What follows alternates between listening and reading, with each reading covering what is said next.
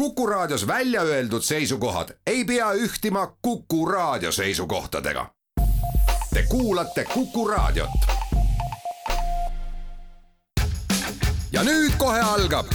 Juku Raadio. Juku-Kalle Raidi köögilaua taha ongi juba kogunenud kõikvõimalikud spetsialistid ja muidu toredad inimesed. tore, et sina ka tulla said. häid mõtteid toob Juku Raadiosse Postimehe kirjastus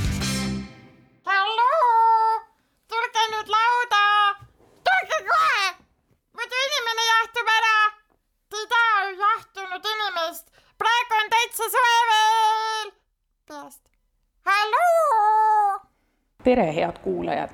Te kuulate neljasaja viiekümne viiendat saadet Juku raadio Köögilaud.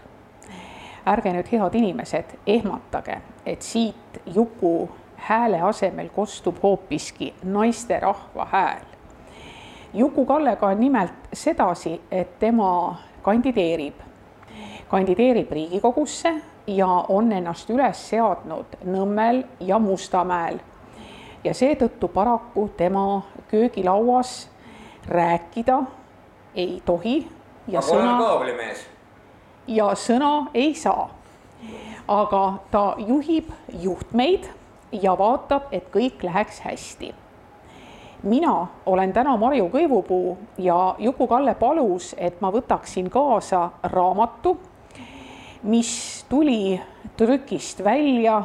tähendab, nägi trükivalgust või trükimusta, ma nüüd täpselt ei teagi, umbes kuu aega tagasi ja see raamat äh, räägib lühidalt, kokkuvõtlikult, võib-olla natukene entsüklopeedilises vormis, aga siiski pisut laiemalt Eesti mütoloogiast. ja suunatud on ta just kõikidele nendele lugejatele, kes Eesti mütoloogia vastu tunnevad huvi. Eesti mütoloogia on ju väga põnev aines ja kahtlemata selles vallas on suurepäraseid teoseid rohkem kui sada aastat tagasi välja andnud selline eh, huvitava elukäiguga haritud ja väga mitmekülgne mees, nagu seda oli Mattias Johann Eisen. tema tööd jätkasid Oskar Loorits, eh, kelle Grundzüge kõige lühemalt öelduna ei ole paraku veel eesti keelde isegi mitte tõlgitud, on saksakeelsena saadav, andis, andis ta selle välja lündis koos vajalike osadega. ja ühte-teist eh, on mütoloogia vallas veel kirja pandud, kui ma siin mõtlen näiteks ka Suku Masingu peale või ma mõtlen näiteks Ivar Paulsoni peale ja see nimekiri tuleks õige pikk ja otse loomulikult pärast seda, kui Oskar Loorits pühkis tolmu Eestimaa pinna pealt, sellepärast et siin kehtis see aeg, mille kohta ta ise rahvaluulet kirja pani. meid, issand, päästa kõigest väest, sest röövel päästis röövli käest. ja, ja ta otsustas Eestimaa paraku maha jätta ja siirduda siis Rootsi. ja nojah ja sealtmaalt edasi on usinad rahvaluule kogujad Eesti Rahvaluule arhiivi talletanud ja kogunud väga palju mütoloogilist ainest. aga me teame, et me leiame seda ka näiteks Andrus Kivirähki teostest või võtame ette meie oma etnopõnevike ja etnohorrorite suurepärase autori Indrek Hargla ja võib-olla meenub siin veel autoreid, näiteks Hasso Krull ja mitmed teised veel, aga samamoodi meie mütoloogia elab oma elu lisaks kõigele ka näiteks teatrilaval. Eduard Tubina esimene ballett või üldse meie esimene ballett, mis mis ballett ka oli, oli ju Tubina kratt ja eks selle krati lavale toomisega ju teadupoolest on ka meie ajaloos sellised mitte just kõige meeldivamad mälestused. sõnaga, mis ma tahan öelda, ma tahan öelda, et Eesti mütoloogia on päris põnev ja ta elab ja areneb koos meiega edasi. ja nõnda siis tuli mul mõte, et kuna ma olen folkloori õpetanud ülikoolis, usundeid õpetanud oma üliõpilastele sageli mm, ka ajakirjanikud esitavad ühe või teise kombe, nähtuse, uskumuse kohta küsimusi, aga samuti on kirjutatud ka mõned teadusartiklid nendel teemadel, siis arvasin, et see on võib-olla hea mõte, kui pärandi Aabitsale tuleks järg. ja see järg räägikski Eesti mütoloogilistest tegelastest mõnedest mõistetest, arusaamadest, mõtlemisviisidest, mis tegelikult teevad Eesti mütoloogiast Eesti mütoloogia. ja natukene süüd on ka kirjastuse tänapäev niisuguse töökal kollektiivil, kui tohib üldse sellist sõna kasutada. Nad ikka utsistasid mind päris kõvasti tagant, sellepärast et igal autoril, kui ta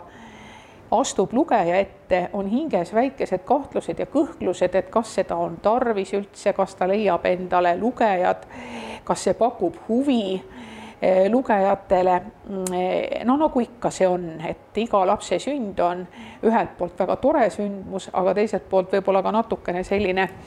eh, jah, võtab, võtab kergelt niimoodi ka kõhedaks. aga mul on hea meel, et raamat on leidnud ostjad ja selle raamatuga seoses on võib-olla veel oluline anda teada, et raamatu illustreeris kunstnik Etla Petski, kes andis Eesti mütoloogilistel tegelastele eh, siis eh, sellised eh, uued näod, eks me oleme harjunud ette kujutama, kuidas näeb välja üks korralik kratt või kuidas näeb välja libahunt või mismoodi ilmapuu või kuidas me kujutame ette pekot, aga need illustratsioonid on originaalsed, toredad ja annavad sellele raamatule kaalu juurde. ja hea on ka sellest äh, rääkida äh, väikese uhkustundega põues ja põses, et äh, kümmekond Etla Petski originaalillustratsiooni kirjastuse tänapäeva vahendusel panime oksjonile. ja need leidsid endale õnnelikud omanikud. aga kogu tulu eh, siis eh, otsustasime, tegelikult minu käest küsiti, et kellele mina tahaksin seda tulu anda, mis nendest piltide, eh, mis, mis siis, missugune, missugune summa siis koguneb, kui inimesed neid pilte soovivad omale saada ja ma mõtlesin, et peaks toetama Eesti lapsi ja selliseid lapsi, kes on paraku haiguste küüsis, mille ravimine on keeruline. ja niimoodi toetasime siis Eesti Vähihaigete Lastevanemate Liitu, et võib-olla mõne lapse tervis eh, saaks kas või ivakenegi abi. Eh, ja, ja see on nagu selle raamatu, eh, raamatuga kaasuv selline heategevuslik projekt peaaegu igale parteile vahetevahel tekib mul tahtmine kinkida üks tõeline umbluu, sest ikka nad aeg-ajalt ajavad umbluud, noh, umbluud me teame, et see on selline õnnetult surnud või kurja käe läbi surnud inimese, inimese kondikene, kes ei ole viisipäraselt maha maetud ja siis annab endast viiel erineval viisil märku, et seda temaga teha, tehakse aga raamat sai sedasi üles ehitatud, et alustasime sellest, et kuidas üldse inimesed on näinud, et missugune see maailm meil on, meie ümber ja meie all. ja see kindlasti minu arvates haagib ka eh, valimistega, sellepärast et poliitikud ju tahavad kujundada meie maailma, missugune see on, kus nende arvates eh, oleks hea elada nii poliitikutel kui ka inimestel, kes eh, poliitikuid valivad ja need arusaamad, mismoodi on hea elada või missugune see hea maailm on, on kahtlemata muidugi erinevad, seda me kõik hästi teame. Aga me räägime sellest siis, et kuidas soome-ugri rahvad ja paljud teised maailma rahvad arvasid, et eh, maailma, eh, maailm on söö, loodud siiski nii-öelda imelinnu munast, et see, seda siiski poliitikud kahjuks teinud ei ole. et sellest on, on muidugi natukene võib-olla kurb aga eh, samamoodi näiteks eh, räägime sellest, miks on nagu pööriööd väga tähtsad maailma mõistmisel meil siin, no vahel me ütleme seda, et inimesed hakkavad kummaliselt käituma, kui taevas on täiskuu, ma tahaks loota, et valimiste ajal seda ei ole.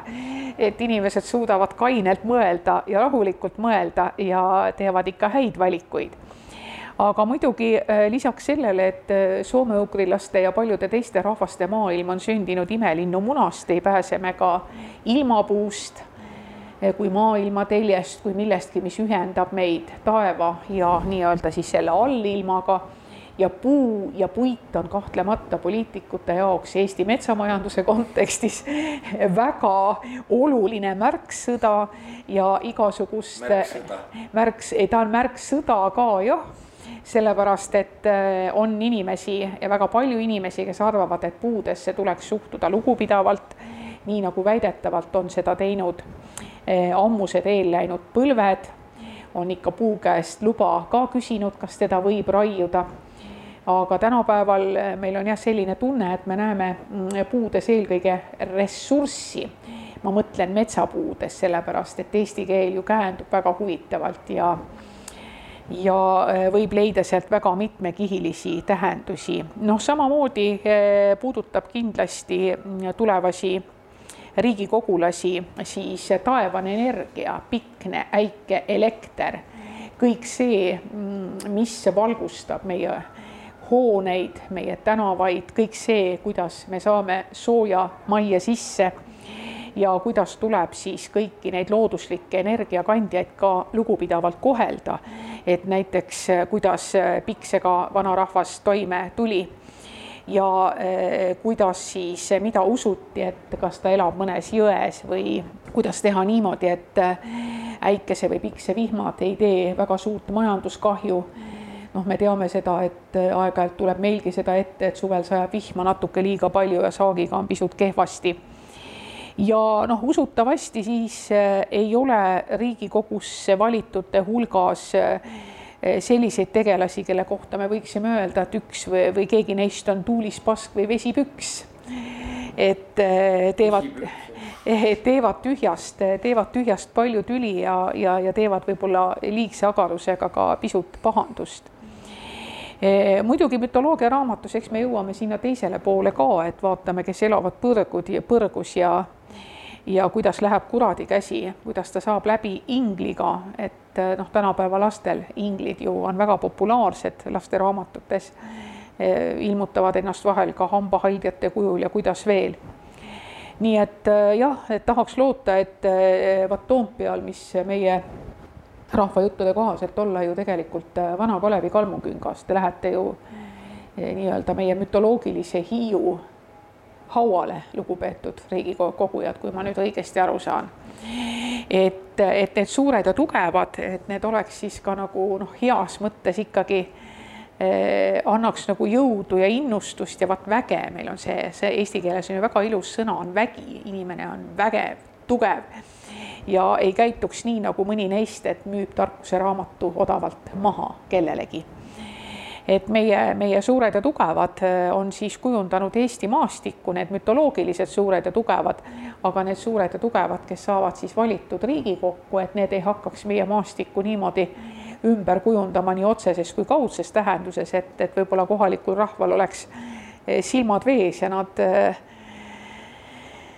nad, nad kurvastaks selle kedagi maha, tal ei olnud, mida müüa. Tal ei olnud midagi müüa, tal ei olnud kedagi müüa, tähendab, äh, vanapagan on üldse niisugune, kuidas öeldakse, niisugune oma kandi mees, et ta noh, vahetevahel tegi mõne tünga, kiusas, aga tegelikult oli ta ikka niisugune, kuidas ma ütlen, flegmaatiline maatõugu mees kes vahel pani ka naiste eest plehku, eriti siis, kui nad teda märgade käterätikute ja voodilinadega taga ajasid. et eh, see meie vanapagan või, või meie see rahvapärane kurat on tegelikult noh, nagu väga sümpaatne ja, ja isegi rahvalauludes öeldakse, et ei ole ta midagi laita mees, nagu võib-olla teinekord on eh, hirmutatud kuradi ja põrguga. Et eks seal mm, teispoolsuses maa all elatakse enam-vähem samasugust elu nagu maa peal jah, veidikene ütleme jah, niisugune otsekohtlane ja võib-olla ei saa alati aru nendest peenematest eh, nüanssidest suhtlemisel. no midagi umbes sedasi ka, nagu võib-olla tänapäeval lihtsad inimesed ei saa alati aru poliitilistest mängudest, et eh, Eh, poliitikud mängivad natukene ühtede mängureeglite järele, aga tavalised lihtsad inimesed natukene teiste mängureeglite järele ja ja no see on ikka niimoodi, et, tuleb selgeks teha, et millega sa mängid, kas see, mis sul käes on, on kabe nupp või on hoopis hokilitter või kirves. muidugi, kui nüüd tõsiselt rääkida, siis vaieldamatult meie Eesti maastik on ju ka selline ikkagi natuke liigendatum ja mida rohkem lõuna poole sa lähed või vaatad neid vooresid, et siis sa saad aru sellest, et, et see rahva suu on pannud siis sinna Hiiut tegutsema ja mul on väga hea kolleeg Taavi Pae, kellega me niimoodi aeg-ajalt ikka teeme neid Lõuna-Eesti kultuurireise. ja nendel reisidel me oleme ikka alati nöökinud, et tema ütleb, et selle maastiku on kujundanud jääaeg, mina ütlen, et ei, Kalevipoeg. ja siis me arutame selle üle pikalt ja põhjalikult, et kas Kalevipoja suguvõsa nimi või perenimi võiks olla jääaeg, aga võib-olla hoopis tema eesnimi oli jääaeg, igastahes hiiud ja vägel, vägilased on olnud sellised toredad maastikuarhitektid heas mõttes, et, et nad on rahvapärimuse kohaselt on tõesti loonud selle maa selliseks, kus me elame. Ja me teeme siit ju väga ilusaid fotosid ja vaimustume sellest, läheme Munamäe torni ja hüüame, kui siit pilvepiirilt alla vaatan. Ja tunneme tohutut rõõmu selle väga ilusa looduse üle. noh, eks need kuidas need nimed on saanud, et noh, kuidas nad nimed on saanud, see on omaette pikk lugu ja sellest saab ka raamatus eh, lugeda, et väga paljudel puhkudel ilmselt ka baltisaksa ja esimesed eesti soost kirjamehed on neile tegelikult nimed pannud, et kuidas võib-olla ammustel aegadel rahvasuu neid nimetas. kas me nüüd päris täpselt seda teamegi? aga eriti praeguses poliitilises kontekstis on Eh, mulle küll väga sümpaatne Petseri vägimees ja temaga seotud lood. noh, Petseri eh, koos kloostriga teadupoolest oli siis Eesti Vabariigi koosseisus enne teist ilmasõda ja Petseri klooster teadupoolest on siis ka setodele eh, väga tähtis ja väga oluline koht, kus nad siis käivad oma usutalitusi, eh, usu, käivad maarjapäeval, kus on nende nii-öelda usupühad ja see kõik on hästi tähtis, sest et, et me teame praegu, eks ole, et umbes üks kolmandik nii-öelda Setomaast on Eesti territooriumil ja see kaks kolmandikku jääb siis praeguse Venemaa territooriumile, et, et Setomaa on, on lõhestatud. jah ja no vot ja e, selle Petseri vägimehel prototüübiks küll peetakse reaalset isikut ja see oli siis kloostri ülem Kornelius, ta on seto rahvajuttudes väga populaarne.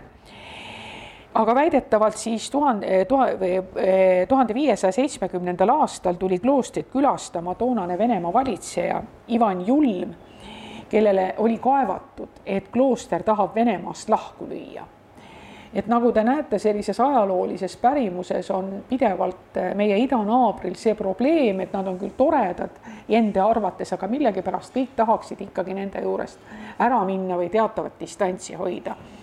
ja Ivan Julm siis otsustas või noh, oli võt-, läks väga ägedaks, et aga miks klooster on endale müürid ümber ehitanud, et ta on teinud seda kindlasti sellepärast, et Venemaast eralduda Kornelius läks siis kõrget külalist tervitama, nii nagu see ikka hea lastetoaga inimestega,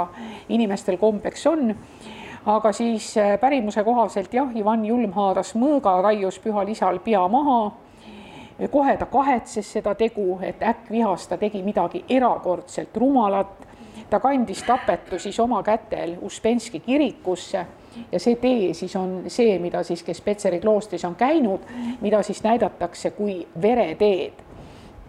ja eh, Petse, Pihkva Petseri siis surnute eestpalve raamatus on sellest sündmusest räägitud allegooriliselt, kus siis kloostriülem Kornelius on saadetud sellest kaduvast elust maapealse isanda poolt taevase isa juurde igavesele elule tuhande viiesaja seitsmekümnendal aastal kuuekümne üheksa aasta vanuselt.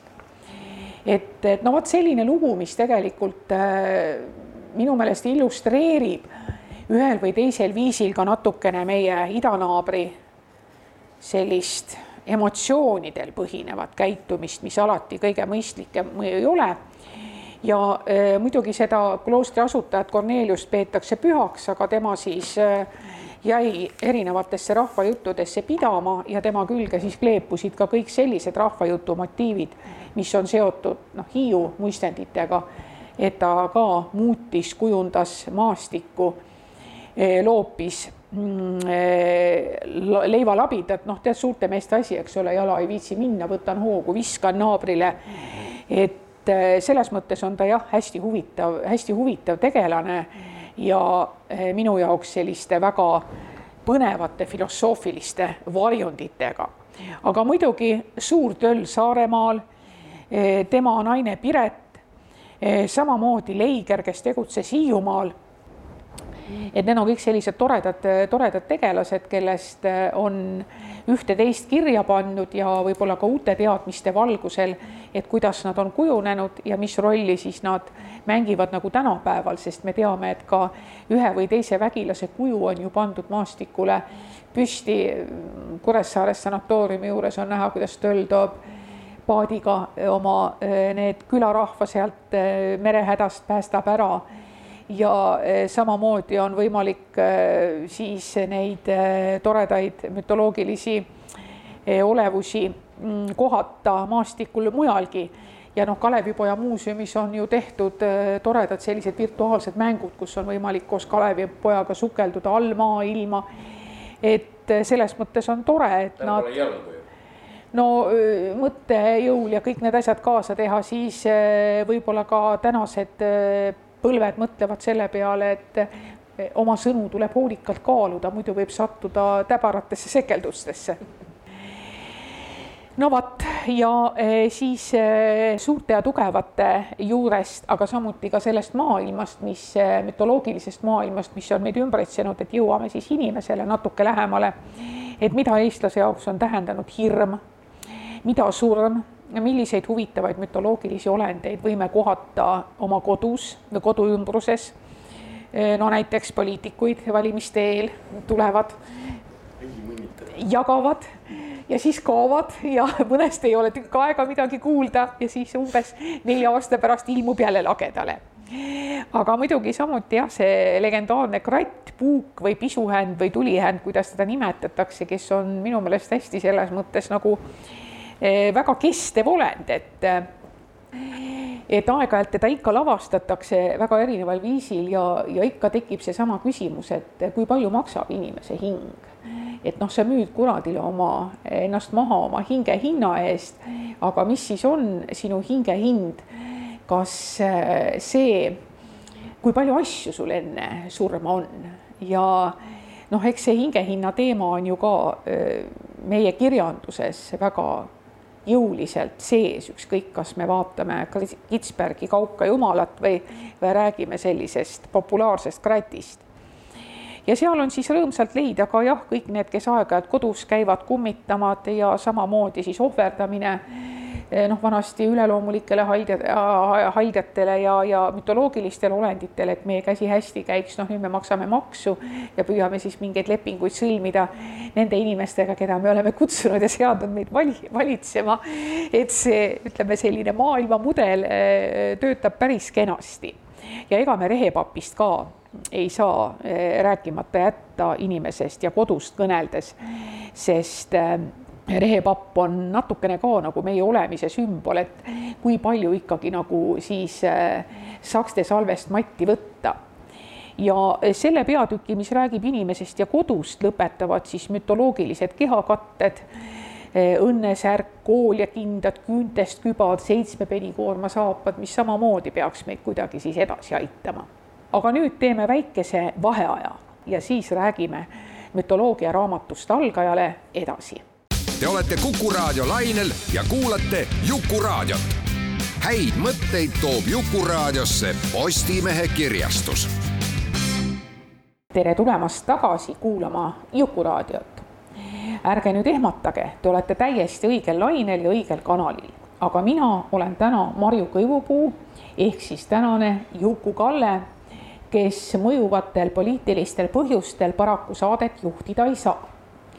meie tänane köögilaud kannab numbrit nelisada viiskümmend viis ja Juku-Kalle lahkel palvel räägime kellegi Marju Kõivupuu raamatust Eesti mütoloogia algajale, mis ilmus trükist mõned nädalad tagasi. et kus me siis õigupoolest jäime?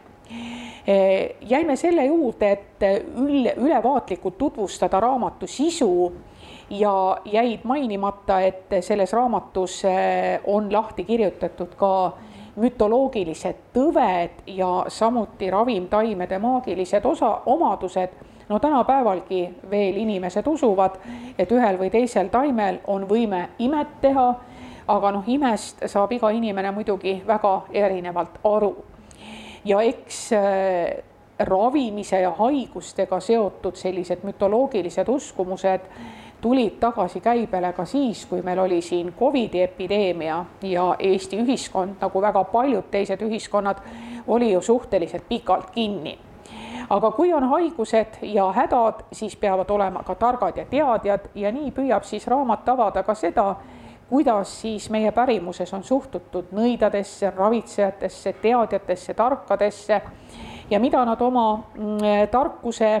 tarkusega on osanud teha, et kas on neid aidanud seitsmes Moosese raamat või piibliraamat või esivanemate tarkused, oskused, nipid, mis on pärandatud siis suuliselt põlvest põlve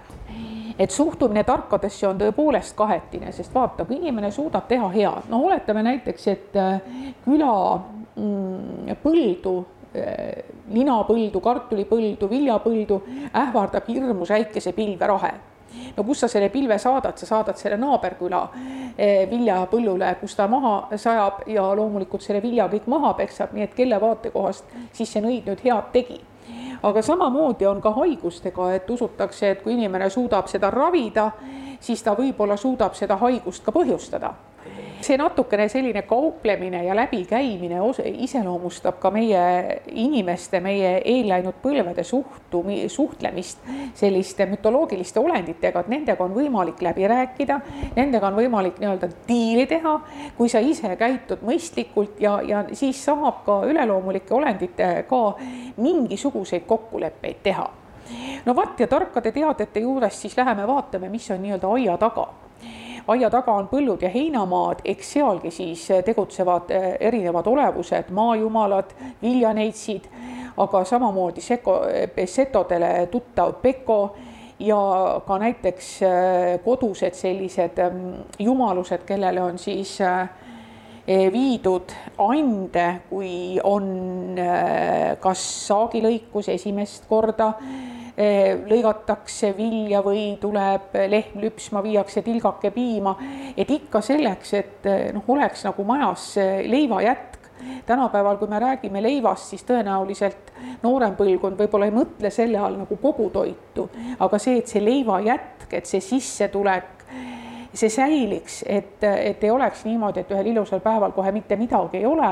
et siis oli kasulik ikkagi maajumalaid lepitada, nendega hästi läbi saada ja kõigest sellest, mis sul on, ka nendele natukene anda. sellepärast muidugi see eestlaste hea soov jätkuleiba võiks olla isegi au sees, sellepärast et eks seda isukest meil jätkub. et isukese pärast võib-olla me ei paksaks väga muret tunda, et pigem muret tunda sellepärast, et meil oleks puhast vett ja kvaliteetset toitu, eriti praegusel ajal, kui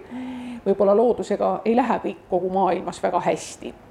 No vot, ja põldudelt ja heinamaadelt siis võtame juba pikemad sammud kodust natuke kaugemale. eks me oleme metsarahvas, eks me oleme soode ja rabade rahvas, mõnikord läheme omadega rappa tänapäeval nojah, meile meeldib mõelda, et me oleme metsarahvas, sellepärast et siin ongi see, mille üle ma siin ka raamatus natuke arutlen, et me oleme oma põldu teinud ju väga viljakate või noh, nii-öelda metsa arvelt ja harinud üles viljakad mullad, mistõttu võib-olla mõnel puuliigil ei olegi päris hästi läinud. et, et kutsuks üles sellisele väikesele väikesele loodusteaduslikule mälumängule, et kes kui palju on näinud künnapuud, ma ei pea silmas ühte lugupeetud arhitekti, eks ole. aga et kui palju sellises looduses, et kui palju me nagu oleme võtnud looduselt ära ja ega see tammgi armastab viljakat kulda, nii et selles mõttes me oleme kindlasti konkurendid ja aga noh, samas jälle mets on teatud mõttes ka selline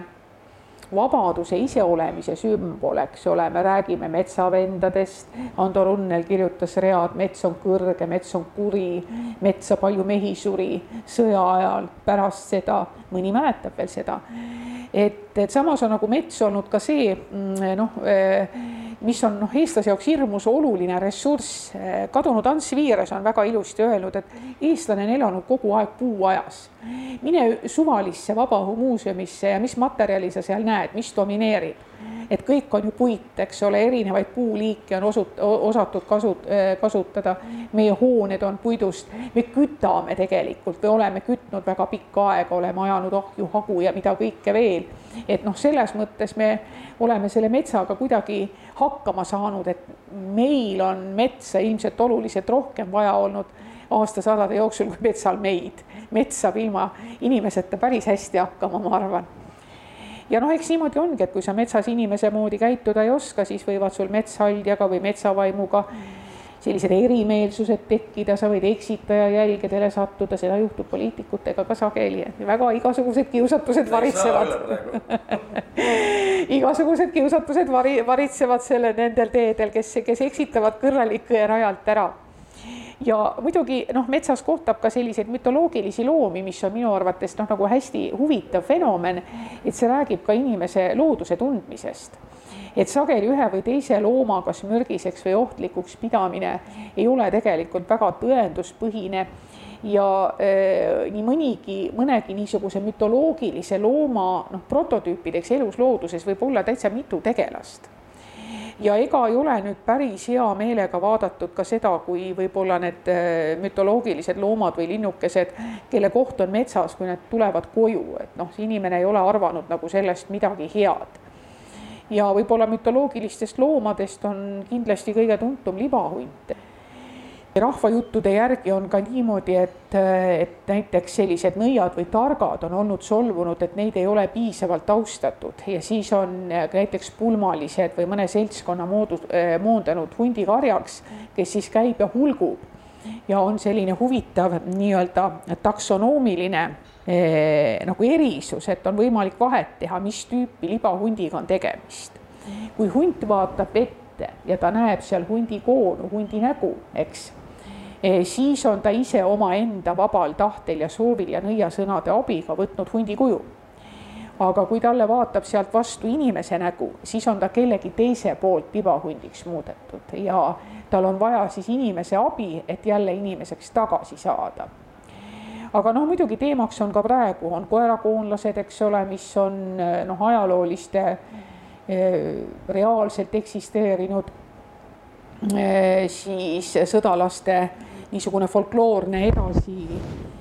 tõlgendus või edasiarendus, et kui siis tulid need Vene oprečnikud ja, ja kõik ja siin vägistasid ja röövisid ja tegid igasuguseid seatempe, aga noh, nende sellised kaitsemaskid meenutasid natukene koera, et sealt siis see nimi. noh, samamoodi on võimalus saada tarkuse kivi, näiteks kaarnakivi ja, ja mis kõik, mis kõik veel on nagu loodusega seotud, et, see loodusega seotud mütoloogia iseenesest on hästi huvitav, et kuidas inimene suhtestub loodusega ja noh, muidugi sootulukesed, kes siis eksitavad. no tegelikult muidugi need just mulle Valgevene pärimusest sootulukest ja soomütoloogia on hästi huvitav, kas sa oled näinud seda filmi või lugenud raamatut, mis oli kuningas Tahi ajujaht? Eks ole, mis, mis, eks see on niimoodi, et tavaliselt, kui ma üliõpilaste käest küsin. olen küll. tubli, istu, viis. et ma vahel pean kurvastama, et, et noh, sellised võib-olla natukene marginaalsed teosed jäävad juba noorematele kaugeks ja ma millegipärast arvan, et ega ega minu nii-öelda nooruse ajal, kui, kui ta ilmus Mirabilia sarjas, et ma ei oska öelda, kui, kui armastatud ta oli, aga noh, kuna ta sisaldas sellist huvitavat ajaloolist mütoloogilist ainet ja et siis oli ta minu jaoks nagu, nagu omal kombel äh, selline põnev vaadata. ja eks meil on, meie maal on siis ka ju veekogusid ja ega veekogud saagi ilma mütoloogiliste olevusteta, et seal on ka selliseid õpetlikke lugusid sellest, kuidas järved solvuvad, kui inimesed solgivad vee ära, järv pakib ennast pilveks kokku ja sajab lihtsalt kusagil mujal maha. et jälle minu arvates praegusel nii-öelda ökokriisi ajastul väga väga selline didaktiline, väga õpetlik äh, nii-öelda lugude, lugude sülem või sari, kus siis juhitakse tõesti inimeste tähelepanu sellele, et tead, et ära, ära solberda, et käitu mõistlikult, ära, ära reosta igal pool, et, et me jääme sellest ilusast loodusest ilma. nägid, kasneod on siis äh, olendid, kes on võtnud sellise kuju, sest nad on uppunud ja aeg-ajalt käivad maa peal meelitamas uusi nii-öelda elanikke oma vetevalda, sest teadupoolest nägid ise Vete vallas ei paljune, et kui nad tahavad jälle uusi linnakodanikke saada, siis nad käivad ukse taga meelitamas aga siis äh, laevasõitjad tunnevad Kotermanni, eks ole, Euroopas hästi tuntud laevahaljas, kes, äh, kelle ülesanne on ka hoida laevaperet või anda vähemalt märku, et kui hakkab midagi pisut täbarasti minema. Äh, mereäärsed inimesed on rääkinud merilehmadest ja lammastest, teinekord isegi hobustest, kes on siis kuidagi veterahva omad ja tulevad ennast näitavad hülged kui Vaarao lapsed, nii et ka see maailm, vetemaailm on väga huvitav ja tegelikult meie nii mütoloogiline ilm looduses on, on väga põnev ja väga omanäoline, kuigi aimub, et noh, kultuurikontakte teiste rahvastega kindlasti on, on võetud üle piiblimotiive rahvapärimusse,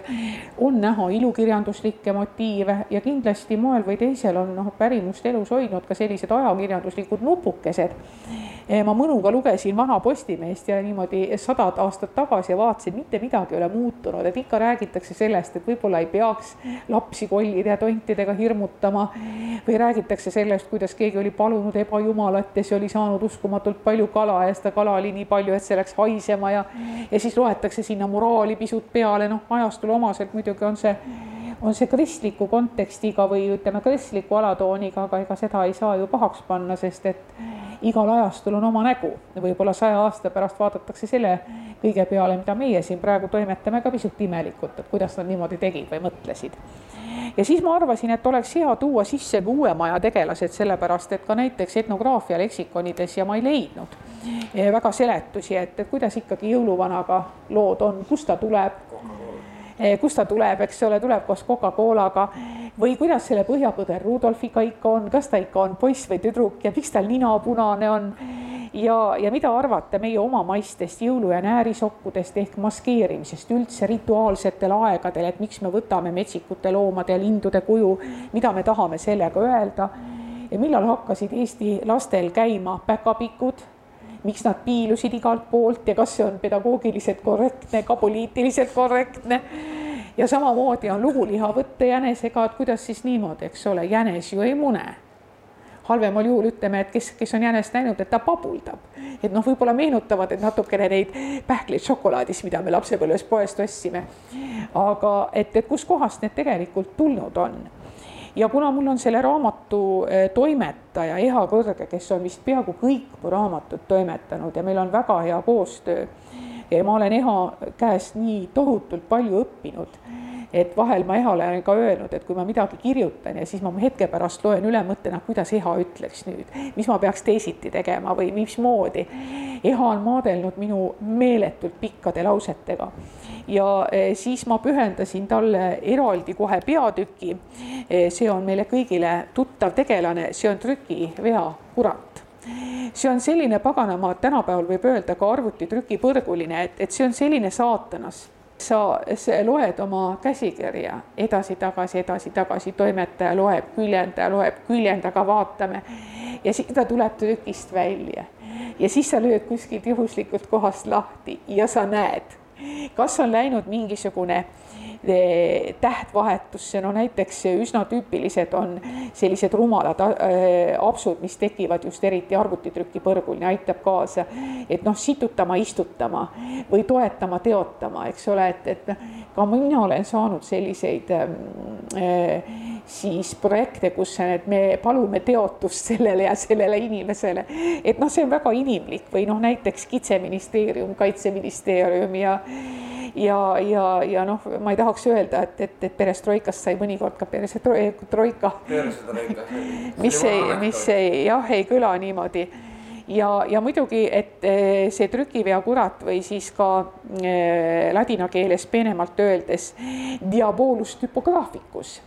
et ta siis ei tuleks sind kiusama, et, et siis vanasti öeldi, et ei tohi jätta raamatut lahti. et kui sa jätad raamatu lahti, siis tuleb öösel Äh, see vanakurat ja keerab sul siin kõik asjad segamini.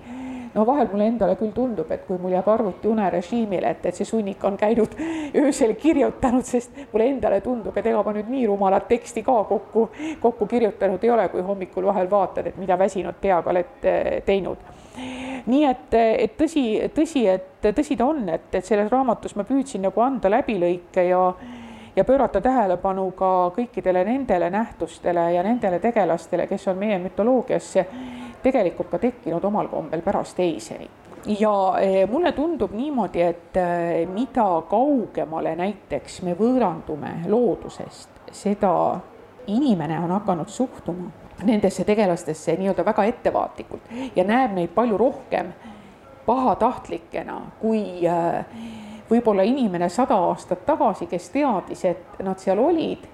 ja nendega tuli nagu osata läbi saada, et ma ei julgeks öelda, kui siin mõni aeg tagasi hea Marko Reikop palus mind Ringvaate saatesse sellest raamatust rääkima, siis ta ütles, et pane siis kõige kurjemad reast, et kes need olid kõige pahamad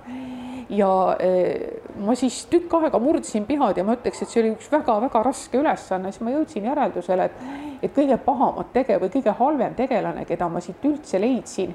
minu enda jaoks on needsamad koerakoonlased, neil ei ole mitte midagi head ega inimlikku. ja nad noh, selle, ütleme praegu ärevate olude kontekstis tõepoolest mõjuvadki niimoodi, et kui ikka tullakse rüüstama, tapma, vägistama, et, et nendega ei ole võimalik läbi rääkida nagu teiste maajumalatega. Ja, ja nad ei ole mitte ühestki otsast, ei ole nagu heatahtlikud, isegi näiteks epideemia haigusvaimud, noh, keda kujutati ka nii-öelda kehaliste olenditena, katku just,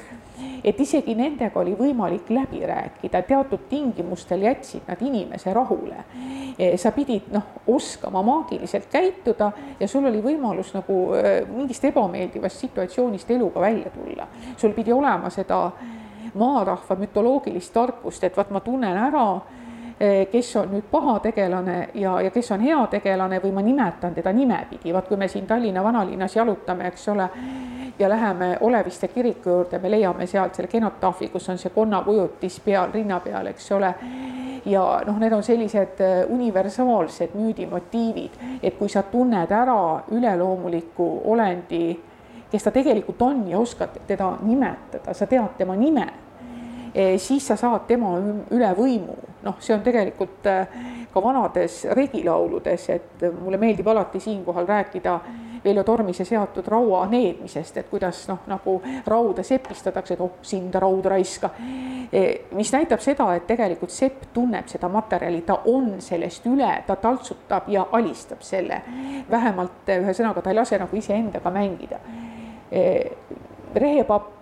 saab äh, tohlakast kuradist jagu, eks ole, see on ka niisugune päeva, päevakajaline teema, et kes see tegi, ise tegi. nii et kodanikud, minge valima, kui te, ma ei taha teha valimispropagandat, aga see on jälle selline universaalne. sa ei soovitanud kedagi? ma ei soovitanud tõesti mitte kedagi, aga ma olen ka vahel öelnud, et kui teinekord kirutakse, et, et noh, nii ja naa, siis ma küsin ka, et kas sa ise oled valimas käinud et, et noh, jälle, et ise, eks ole, et, et tuleb ka ise ühiskonnas nagu osaleda, tuleb oma peaga mõelda, vastasel juhul kalladki, lasedki endale rumala peaga sulatina silma, silma kallata, kui nüüd noh, nii-öelda lihtsustatult seda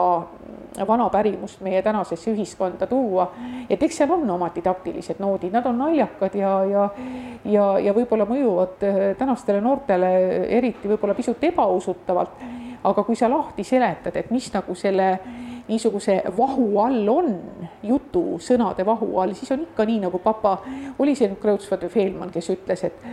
et, et, et, et, et no kuidas see oli see kooruke, eks ole, ja õpetus on see iva. eks seda maailma on seletatud ja,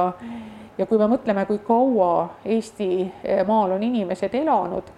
erinevate kultuuride mõju väljas, et see tegelikult kõik on ju meid mõjutanud. Ja ma arvan, et kultuur ja rahvas ja keel püsibki, kui me teatud aja jooksul natuke vaatame neid asju ka läbi ja hindame ümber, et noh, me ütleme küll, et üks või teine rahvus on kultuuriline konstru-, konstruktsioon, aga see konstruktsioon peab väga tugev olema, siis ta püsib ja seda konstruktsiooni tõenäoliselt on vaja ka aeg-ajalt tõesti läbi vaadata võib-olla teha väikesi parandusi ja võtta kasutusele ka uusi materjale. et eh, siis, siis ta kestab. et me ei saa noh, loota ainult kõigele sellele, kuidas võib-olla sada või kakssada aastat tagasi asjad olid ja mis mulle nagu meeldib selle Eesti mütoloogia juures, on see, et inimene ise peab olema nutikas, sa pead kogu aeg olema nutikas, sest vastasel juhul need tegelased lihtsalt kavaldavad su üle ja vabandage väljendust, teevad sul lolliks. et sa, sa jääd selles mängus kaotajaks aga, aga sa pead ise, sul peab olema nagu meeled avatud, et mulle alati noh, nagu, nagu väga meeldib see mütoloogiliste tegelaste puhul, et et seal küsitakse, aga kes see on, kes ennast niimoodi näitab? Või mida ta tahab sellega öelda, jah, eestlane on kahtlev ja umbusklik, aga küllap, küllap see meie sajandite pikkune elu siin äh, põhjas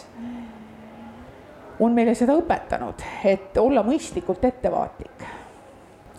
aga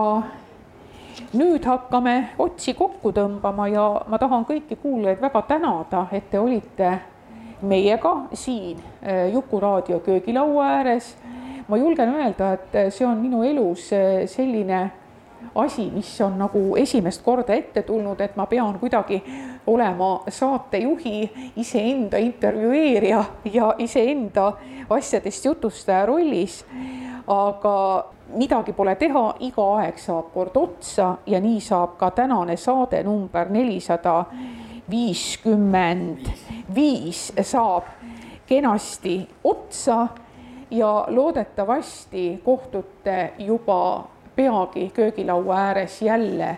Juku Kallega, aga tõenäoliselt on siin siis juba mõni teine külaline. sinuga kohtume ka. No ma väga loodan, et pärast seda debüüti ikkagi Juku-Kalle on nõus minuga edasi koostööd tegema, igal juhul ma tänan teda tänase võimaluse eest ja soovin kõikidele väga ilusat Eesti Vabariigi aastapäeva. elagu Eesti! halloo,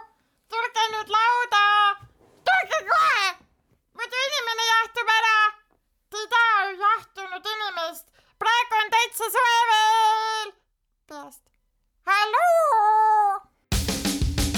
häid mõtteid toob Jukuraadiosse Postimehe kirjastus